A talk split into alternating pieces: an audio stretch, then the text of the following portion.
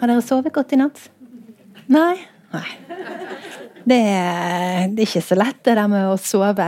I dag skal vi eh, sprinte gjennom hele livet med fokus på søvn, og jeg håper at jeg har delt det opp på en slik måte at vi alle henger med i svingene. Men det blir nok et litt høyt tempo likevel, for det er mye jeg har på hjertet, og det er mye vi skal rekke over. Mitt navn er Elisabeth Flo Gronebom. Jeg eh, jobber for tiden som professor ved Institutt for klinisk psykologi her ved Universitetet i Bergen. Og hobbyen min det er søvn. Men før vi setter i gang det, den sprinten som jeg nå har eh, beskrevet for dere, så har jeg også lyst til at vi skal bare stoppe litt opp og tenke på hva er egentlig søvn? For søvn er et nokså magisk tema. og Jeg er nokså takknemlig for å kunne jobbe med det som forsker og som kliniker. Det er ikke det at det er så viktig å alltid ha noe å snakke om på fest, men hvis jeg sier på fest at jeg forsker på søvn, så har de aller fleste eh, noe erfaringer eller noen tanker rundt det som de ønsker å diskutere med meg. For det er en stor del av livet vårt. Og jeg pleier å si at hvis dere er så heldige at dere blir 90, så dere har sovet i 30 år av livet deres. Så eh, det er ikke rart at det betyr mye for oss å få det til å fungere. Og når vi er heldige, så sover vi godt, og vi tenker egentlig ikke over det i det hele tatt. Men hvis det først begynner å skjære seg, så kan det være veldig ødeleggende og oppta mye frustrasjon. I dag skal jeg snakke litt sånn kort om hva egentlig søvn er, og hvordan den reguleres på et mer sånn basalt biologisk nivå. Og så skal jeg si litt om konsekvensen av dårlig søvn, uten å skremme dere for mye. Og så til slutt så kommer jeg til å ha en nokså lang gjennomgang der jeg ser på ulike utfordringer og, og også normalsøvn gjennom livsløpet. Så det er ganske mye å dekke på, på en time. Først litt om søvn. Hvordan kartlegger vi det, og hvordan regulerer søvn? Søvn er jo ikke én passiv tilstand. Det er veldig, veldig mye som skjer når vi sover. I hjernen vår så er det flere ulike stadier vi går igjennom. Og dette bildet eh, egentlig da eh, viser EEG i ulike stadier av søvn. Da er det alt fra, fra våkentilstand, hvor man ser en tett aktiv EEG, til lett søvn. Og når man har såkalt dyp søvn, så ser man langsomme bølger med stor amplityde. Og den dype søvnen det er det vi ofte forbinder med restitusjon og følelsen av å ha hatt en god natts søvn. Men vi trenger alle disse stadiene, og ikke minst så trenger vi også denne siste stadiet, rem-søvnen, så det er de aller fleste av oss forbinder med å drømme. Og for å kunne måle søvn og kartlegge søvn, så har vi det vi kaller for gullstandarden. Og det er egentlig ikke ett mål, men opptil flere mål. Vi kaller det for polysomnografi. Og da måler vi hjernebølger på hodet. Vi måler øyebevegelser for å fange opp de raske bevegelsene under rem-søvn. Vi måler pust. Vi måler hjerte. Og vi måler også muskeltonus, altså hvorvidt vi slapper av eller strammer muskulaturen vår. Og alt dette er nødvendig for å kunne si noe om søvnstadiene som jeg nettopp snakket om. Om du sover lett, eller om du sover tungt, eller om du har drømt f.eks. mye og hatt rem-søvn. Og Når jeg viser dere dette bildet, så er det kanskje noen som har en app på mobilen sin som sier at i, i natt så hadde du så så mye dyp søvn og så så mye lett søvn. Jeg kan bare si at det er ikke så veldig mye å stole på. Så jeg ville ikke bekymret meg hvis den appen sier at dere har altfor lite dypsøvn.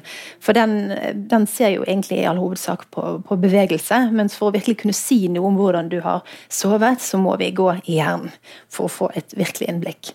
Men når det er sagt, så er søvn subjektivt. Det er noe jeg kommer til å komme tilbake til flere ganger i løpet av denne timen. Og de fleste, altså veldig mange diagnoser stilles helt fint uten å ha en sånn ganske krevende måling av søvn.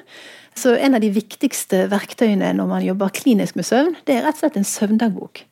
Det å, ha, eh, å føre ned 'nå la jeg meg', hvor mange ganger våknet jeg i løpet av natten, når våknet jeg?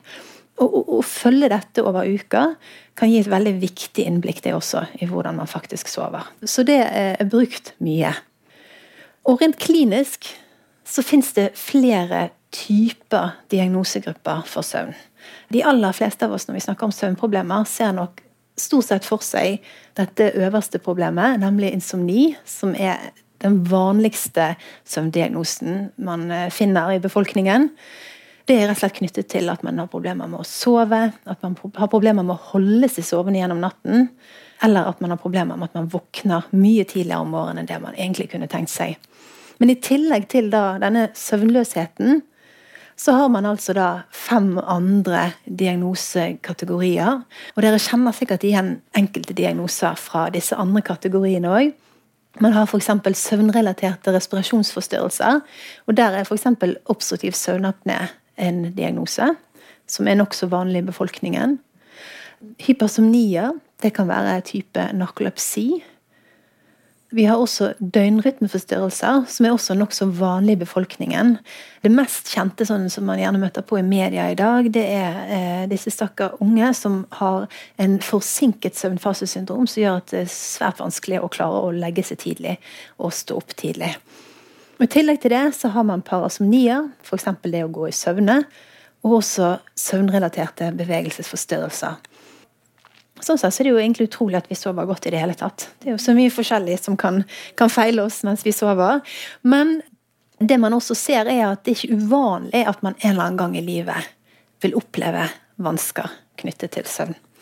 Faktisk vil jeg heller påstå at det ville vært uvanlig å gå gjennom hele livet uten å ha perioder hvor man sliter med søvnen sin. Når man snakker om normalsøvn, så er det flere ting som må fungere sammen som, eh, i harmoni, som et orkester, for at man skal kunne sove på riktig tid og være opplagt og våken på riktig tid. Og Når man snakker om regulering av søvn og våkenhet, så er det to viktige faktorer som man, eh, som man har pekt på i en såkalt tofaktormodell. Det ene er homostatisk faktor, og det andre er døgnrytme, eller cirkadian faktor. Og Det man ser, er at homostatisk faktor det handler rett og slett om hvor mye du er våken på dagtid. Jeg pleier å sammenligne det med appetitt. Hvis du har spist et stort måltid, så skal det mye til for å orke dessert. Og Sånn er det også med søvn. Har du sovet mye på dagtid, så skal det veldig mye til for å klare å sovne på kvelden. Så det å bygge opp et søvntrykk, det homostatiske trykket, er ganske viktig for at man skal klare å sove på kveldstid.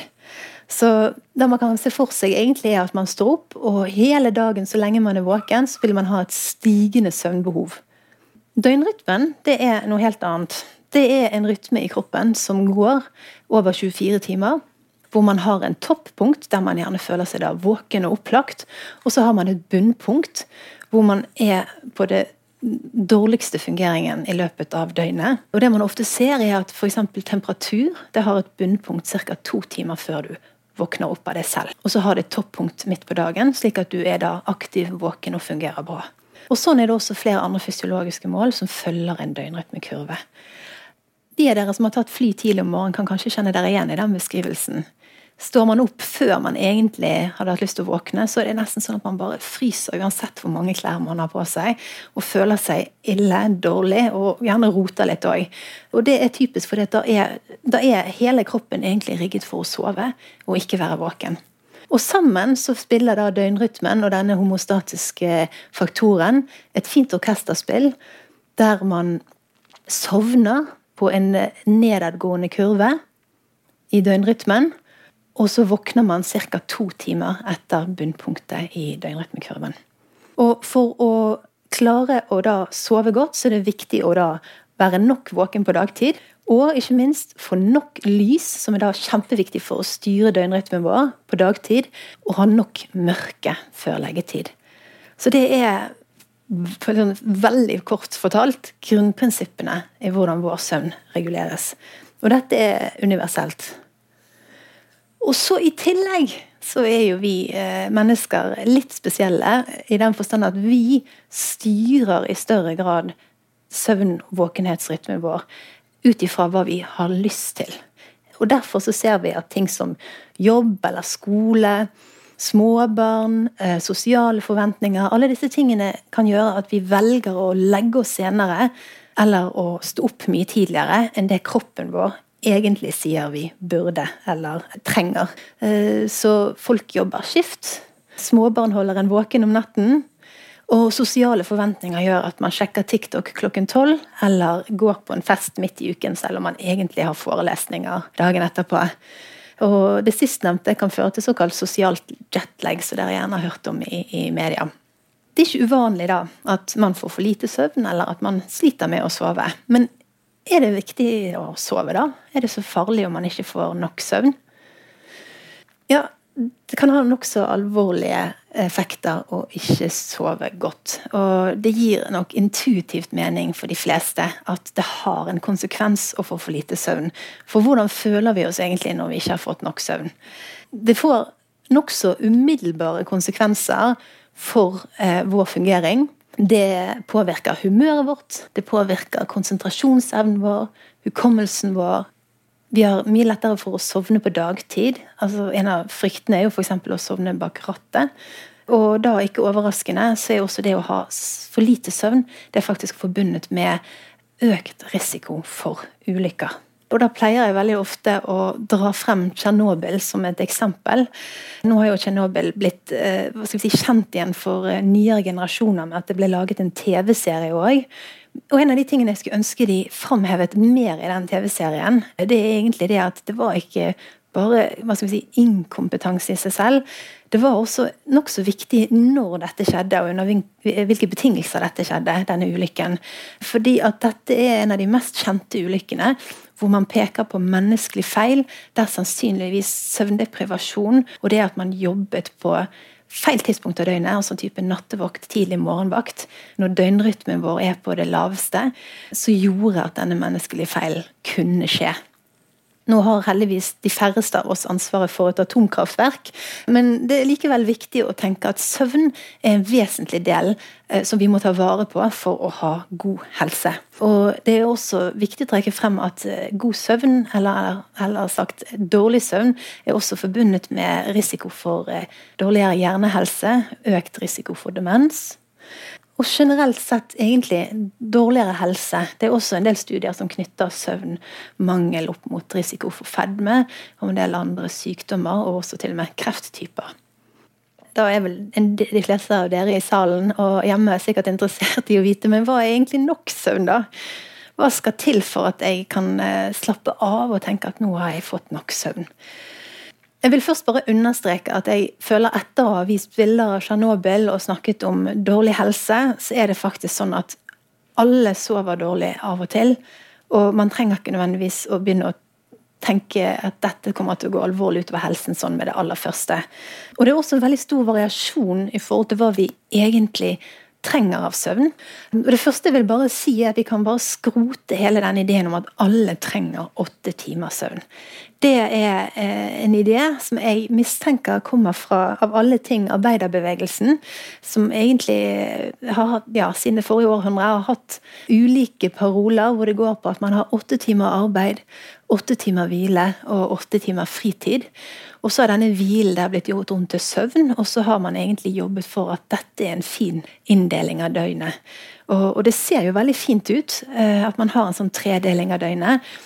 Og Dermed så gir det gjerne også intuitivt mening at det er sånn det må være. Men det er uhyre individuelt hvor mye søvn vi egentlig trenger. Så denne åttetimeren den er i hvert fall noe vi kan, kan, legge fra oss. Og det er også sånn at det endrer seg over livsløpet hvor mye søvn vi trenger. Så det du trengte for 20 år siden, er ikke sikkert det er det du trenger i dag. Og kontekst og situasjon kan også påvirke søvnbehovet vårt.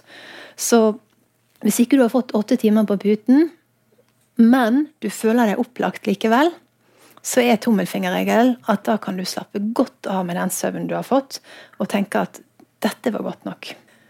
Og Når jeg sier føler seg opplagt, så mener jeg selvfølgelig ikke rett etter vekkerklokken har ringt. For da er det ingen som føler seg opplagt. Det. Men samtidig så har man noen um, anbefalinger, selvfølgelig. Og jeg tenker En del av dere er vel gjerne også interessert i å vite disse anbefalingene. Og Nå kommer jeg bare til å liste opp de hva skal vi si, grensene i forhold til hva som er anbefalt. Og da er det fra nyfødt alder ikke overraskende en enorm variasjon. Fra 11 til opptil 19 timer ser man blant nyfødte. Så jeg kan tenke meg at samtlige mødre har gått rundt og lurt på om eh, spedbarn har sovet nok. Og det sier jo seg selv at med så stor variasjon så vil alle gjerne oppleve at deres barn kanskje sover bare for lite og for, for mye. alt ettersom. Og opp gjennom småbarnsalderen så er det fortsatt vanlig med nokså mye søvn. F.eks. ser man i ett til toårsalderen at det å få et eller annet eh, mellom 11 til 14 timer er helt normalt. Så lenge man er innenfor å ikke sove mindre enn 9 timer eller mer enn 16 timer, så, så, så vil eh, allmennlegen tenke at nei, dette går helt fint. Og det er egentlig ikke før man når ung voksenalder at man nærmer seg denne hva skal vi si, mer sånn åttetimersregelen. Unge voksne er anbefalt syv til ni timers søvn, mens mindre enn seks timer og mer enn elleve timer er kanskje ikke anbefalt. Og så ser man også da foreldre da har man kommet helt ned i mindre enn fem timer, og mer enn ni timer er ikke anbefalt. Men selv der så vil jeg også si at dette er jo på befolkningsnivået. Så enkeltindivider vil kunne være utenfor disse anbefalingene, uten at disse selv trenger å bety at noe er alvorlig gale. Så tommelfingerregel med å kjenne det deg opplagt er likevel noe man må ha med seg, og, og prøve å ikke bekymre seg. For det fins ekstremer som likevel er normale. Eh, vi har hatt en del kjent eh, personer i, i, verdenshistorien som har skrytt av å ikke trenge mer enn fire timer, f.eks. Både Churchill og Thatcher blant annet var kjent for det. Nå tror jeg nok Churchill drakk og sov litt på dagtid òg, og Thatcher fikk jo eh, nevrodegenerativ lidelse på slutten av livet. Så jeg vet ikke om jeg vil bruke akkurat de som eksempler på at det er supersunt å sove fire timer. Men, men, at det er en variasjon her, det er veldig viktig for meg å understreke. Og nå når jeg har gått gjennom denne listen da med hva, hva, trenger man egentlig på ulike aldre, så har vi jo egentlig kommet til eh, det som er kanskje hovedtemaet for eh, denne forelesningen. Og det er egentlig hvordan søvn endrer seg gjennom livsløpet. Det er gjort mange studier på hvordan vi sover. Eh, mange av disse studiene baserer seg på spørreskjema. Så det er noe vi må ha med oss når vi også ser på resultater fra slike studier. Likevel, det er et studie som kom ut nå i 2021, hvor man så på søvnen til til sammen over en million mennesker fra USA, Storbritannia og Nederland. Og dette er en studie som er såpass stor at jeg ser litt til den nå også i løpet av forelesningen. Og hvis man fokuserer på eh, småbarnsalderen først, da, så ser man at um, søvnen hos småbarn er eh, ca. det samme som også er det som er anbefalingene. At eh, det er nokså lang søvn, og de ligger stort sett mellom 10 13 timer eh, for små barn når det kommer til eh, søvnlengde. Og Man ser også at eh, den søvnlengden stuper egentlig nokså mye i løpet av tidlig barneår fram til, fram til tenårene. Og nå har jeg jo nevnt dette med søvnstadier, så man vet allerede at det finnes flere søvnstadier. Alt fra det å sove lett, som man kaller stadium 1 og stadium 2, til å ha søvn, drømmesøvn eller rem-søvn, og det å ha en dyp søvn. Og når man ser på de minste, så er det de som gjerne skiller seg mest ut fra hele livsløpet når det kommer til hvordan søvnen vår ser ut.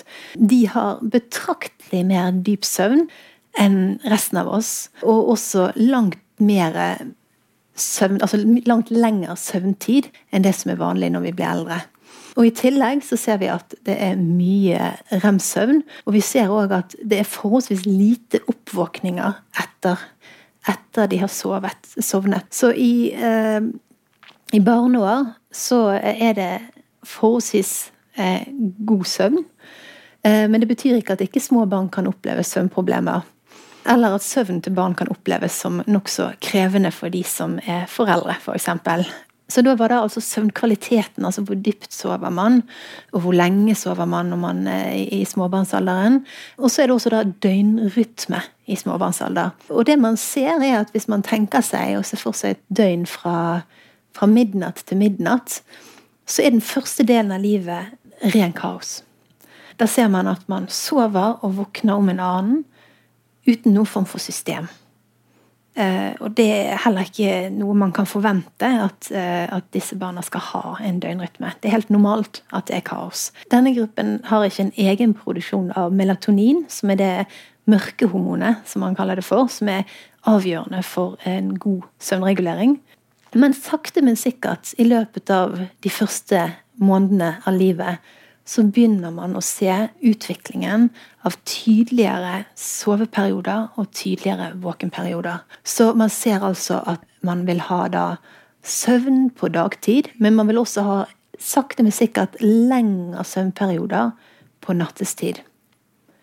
Opp gjennom da barneår så blir det vanligere med færre og færre soveperioder på dagtid og lengre og lengre søvn på nattestid. Og i løpet av skolealder så vil man si at de aller fleste har en søvnregulering som består av en hovedsoveperiode på natten og våkenhet på dagtid. Og når det kommer til høneblunder, så er det egentlig det man pleier å se, er at de aller fleste de sover høneblunder de første tre årene av livene sine, men at det blir mindre vanlig skolealder. Men selv der er det også ikke uvanlig at det forekommer for enkelte å ta seg en høneblund. Når det kommer til insomni i barnealder, så er ikke det så vanlig. Man ser at vegring for å legge seg kan forekomme hos en del.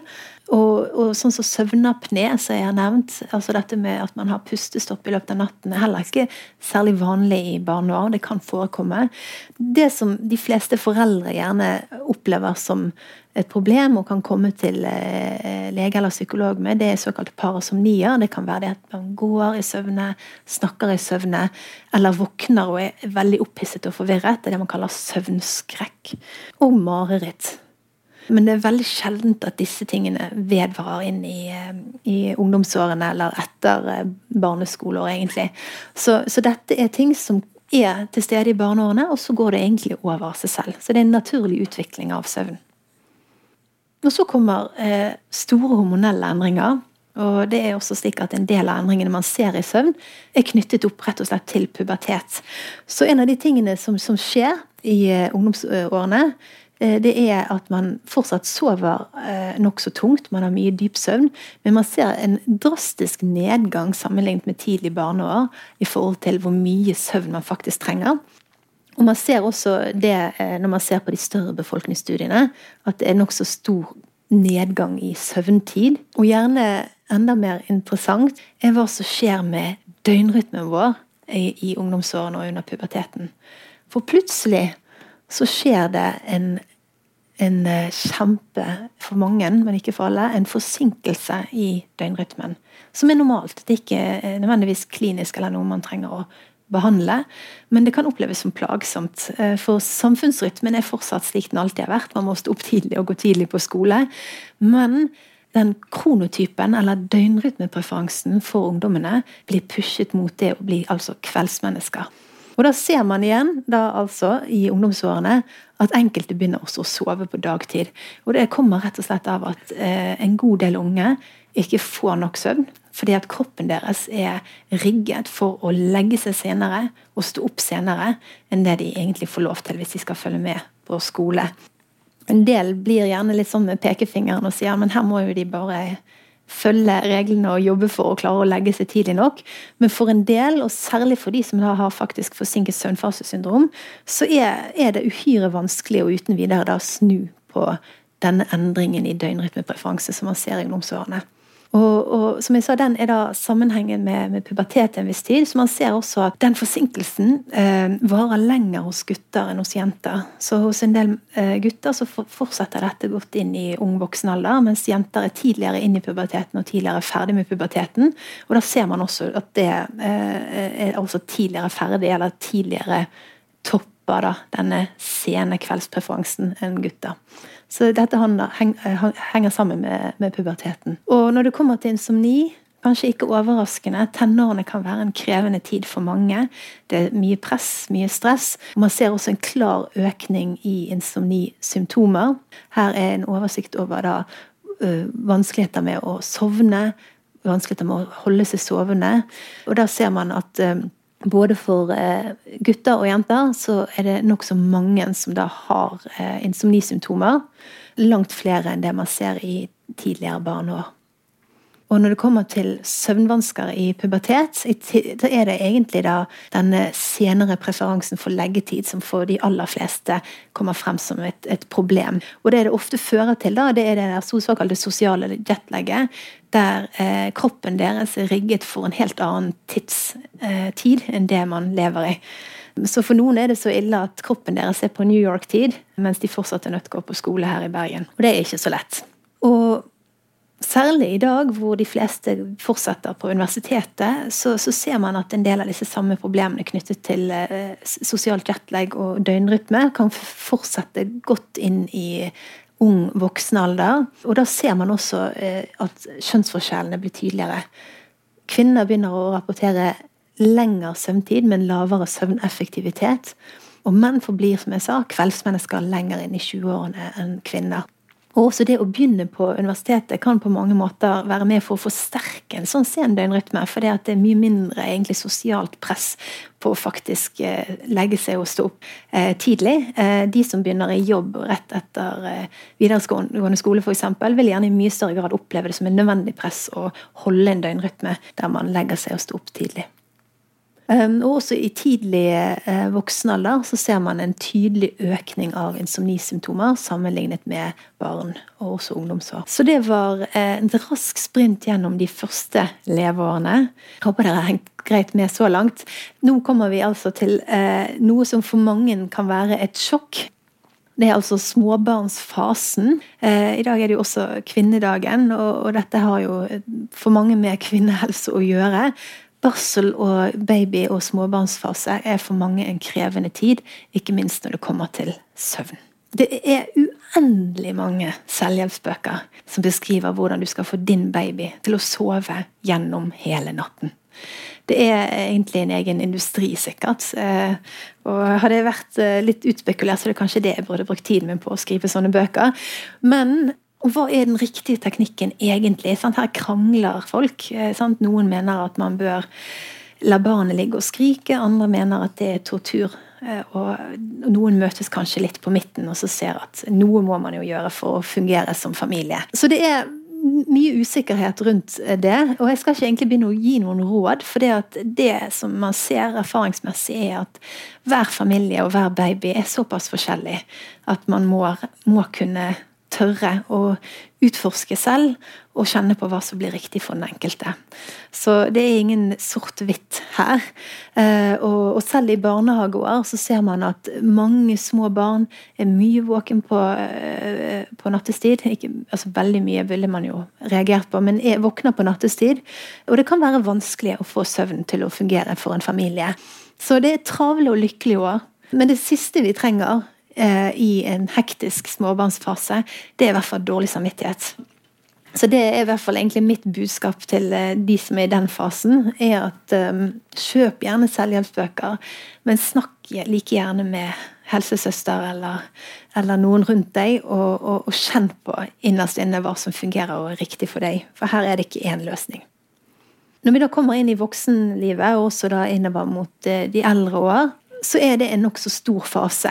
Og jeg blir alltid litt irritert når man i forskningen liksom lumper alt dette sammen i én boks, for det er ofte noe av det mest heterogene perioden i livet. Det er egentlig det man ser i eldre år.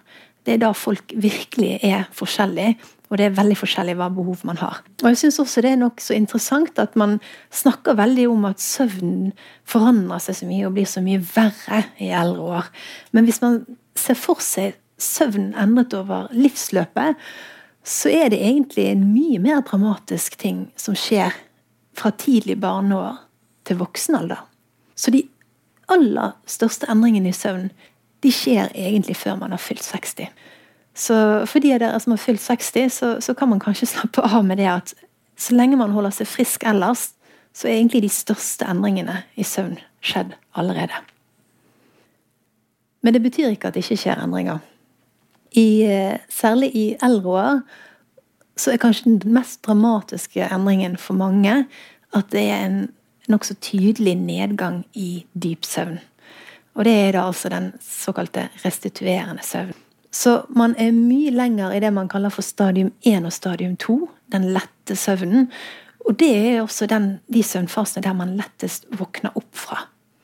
Så det skal mye mindre til før man våkner opp. Og man ser f.eks. at en halvfull blære kan være nok til at man våkner. Og det selvfølgelig går også utover kvaliteten på søvn. Så hvis man ser for seg en hel natt der man går inn og ut av ulike søvnfaser i perioder gjennom eh, natten, så vil man se i godt voksen alder at man har langt flere våkenperioder og mye mindre av den dype søvnen enn det man har i yngre år.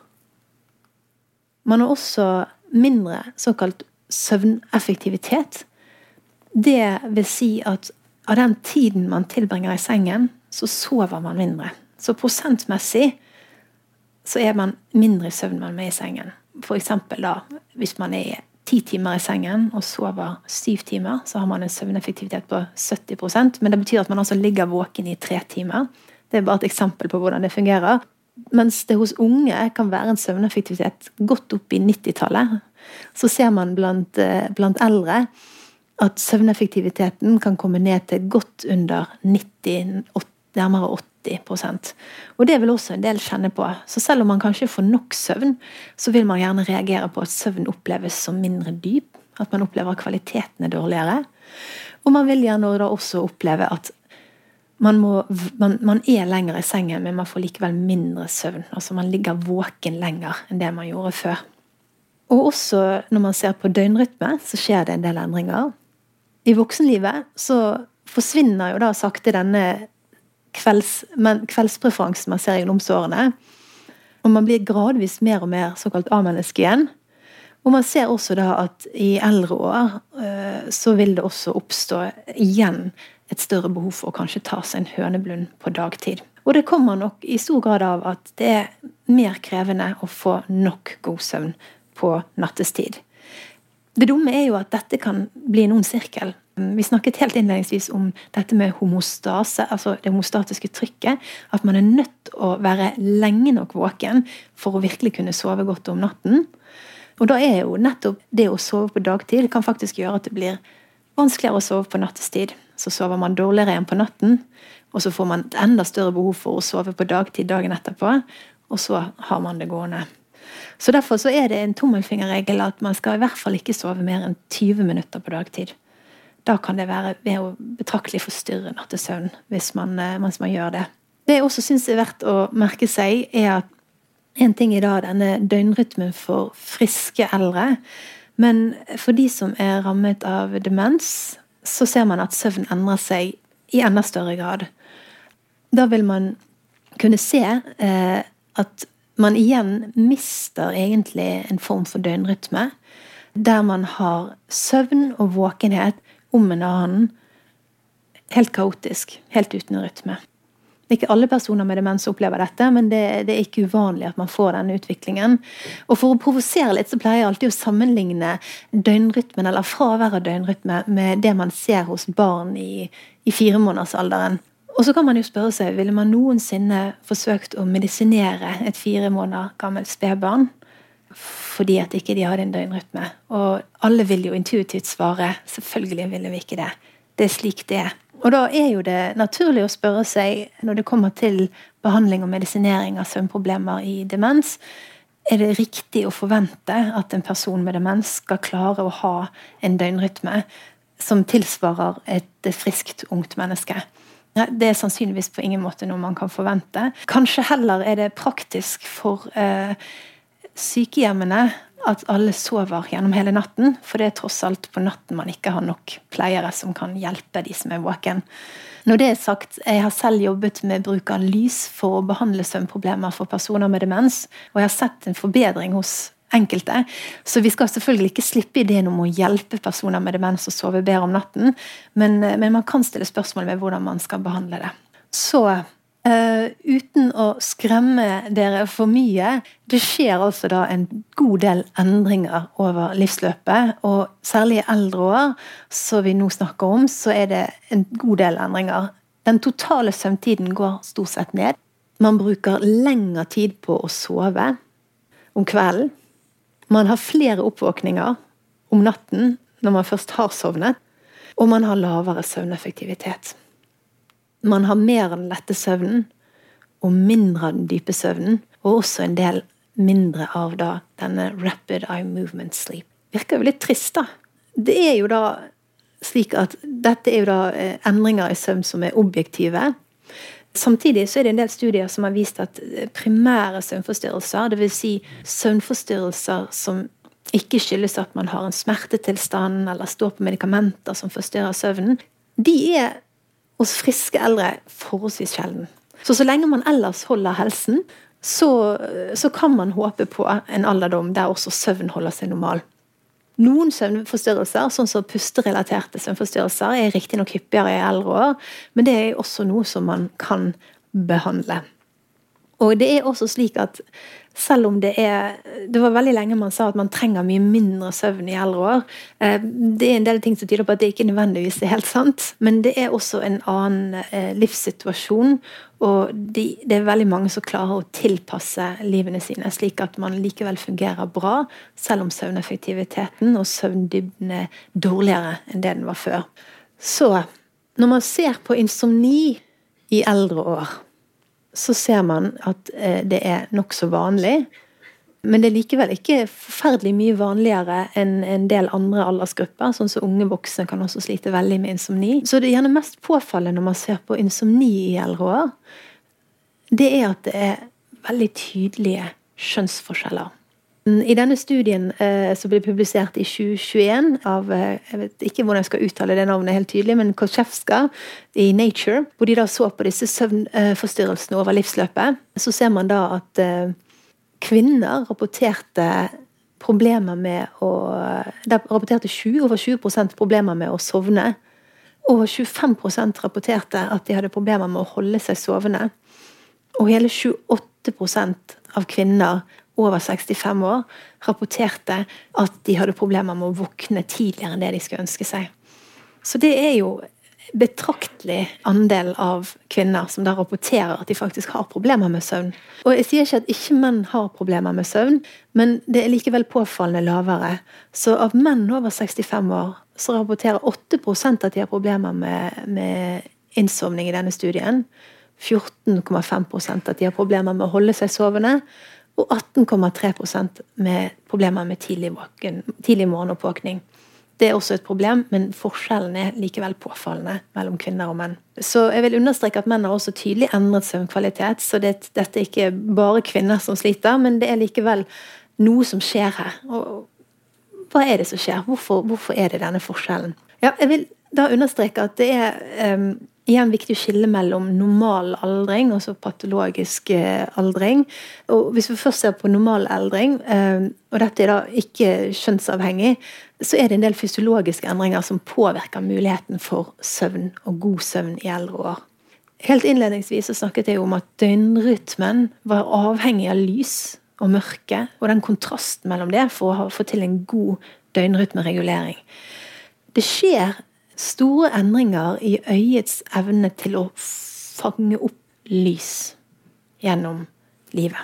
Så en tiåring trenger betraktelig mye mindre lys for å få de samme effektene for en god døgnrytmeregulering enn det en 95-åring f.eks. trenger. Og Du trenger ikke bli 95 år for å merke denne forskjellen.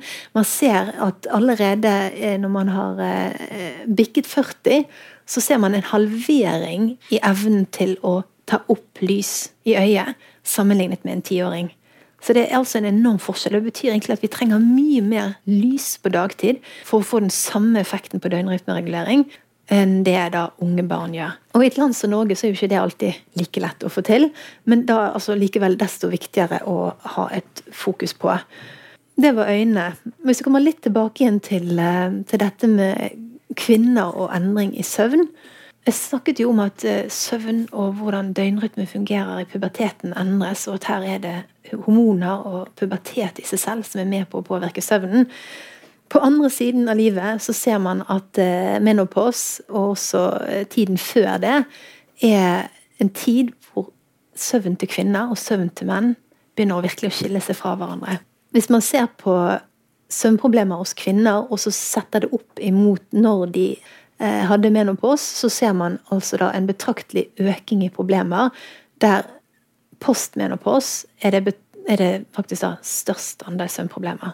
Så den endringen, den hormonelle endringen og den endringen i fungering påvirker altså da sannsynligvis kvinners søvn betraktelig. Uten å begynne å spørre i salen hva tror dere kan være, så kan jeg egentlig bare heller gå gjennom en del problemer. De som har vært i denne fasen, vil gjerne beskrive f.eks. hetetokter og svette på nattestid som helt avgjørende for dette eh, søvnproblemet. Og det man ser er jo også det at det er særlig faktisk det å holde seg sovende som er problemet for kvinner i denne tiden. Og at nettopp det å våkne av at man svetter, er for varm, er så forstyrrende at søvn blir alvorlig påvirket av det. Men det er ikke bare det. Eh, man ser faktisk også at det er en økt risiko for å utvikle f.eks. søvnapné i eh, i denne perioden, med en tydelig økning både i forhold til laveste cutoff på fem pustestopp i timen, og også en tydelig økning i mer alvorlig søvnapné-problematikk. Så her, her skjer det ting i aldring som påvirker da gjerne særlig søvn hos kvinner. Jeg valgte i dag å ha et bilde av et eh, ektepar som egentlig, et eldre ektepar som egentlig koser seg og sover veldig godt på denne sliden. Og det er egentlig for å understreke at til tross for disse endringene, så finner mange gode løsninger. Når det kommer til menopause, så er det bl.a. Eh, hormonbehandling som kan ha en effekt på, på søvn. Men, eh, men, man ser også at, eh, at, for mange så er dette noe som også til en viss grad blir bedre når man kommer igjennom det, og, og hetetokter og svette blir eh, redusert. Så det å sove godt og fungere godt eh, i alderdommen, det er ikke nødvendigvis en umulighet. Og jeg tenker Vi skal definitivt snakke mer om dette når jeg eh, nå avslutter hvert øyeblikk i salen her. Men likevel, for å sove godt i eldre år, så kan man jo iallfall gjøre det man vet fungerer. Det å få nok lys på dagtid, passe på å ha nok mørke på kveldstid. Det å, det å holde seg i aktivitet ha såkalt god søvnhygiene. Disse tingene kan for mange gjøre i hvert fall en, en, en, stor forskjell. Personlig nå så jobber jeg mye med forskning på lys, og effekten lys har for personer, både eldre personer og personer med demens, og også unge. Jeg har gjort eh, studier i sykehjem, og nå holder vi på på lyslab, der vi ser på både da effektene på kognitiv fungering. Altså at lys hjelper deg å regulere søvnen, men lys hjelper deg også å fungere optimalt på dagtid. Du, så Vi ser rett og slett på hvordan lyset påvirker både studenter, eldre og personer med demens når de løser ulike litt krevende oppgaver på en datamaskin. Og vi ser også på hvordan lyset påvirker humør. For det er også en kjent sak. Så, så, det skjer jo også mye forskning her som er med på å forhåpentligvis hjelpe både anbefalinger og mulige behandlingstilbud for både unge og eldre som, som sliter med søvn, som er ikke-medikamentelle. Uh, og for de av dere som ønsker å være med i slike forskningsprosjekter, så er det bare å kontakte meg, for jeg blir veldig glad for mennesker som ønsker å delta i forskning. Og med det takker jeg for oppmerksomheten og ønsker dere en riktig god natts søvn.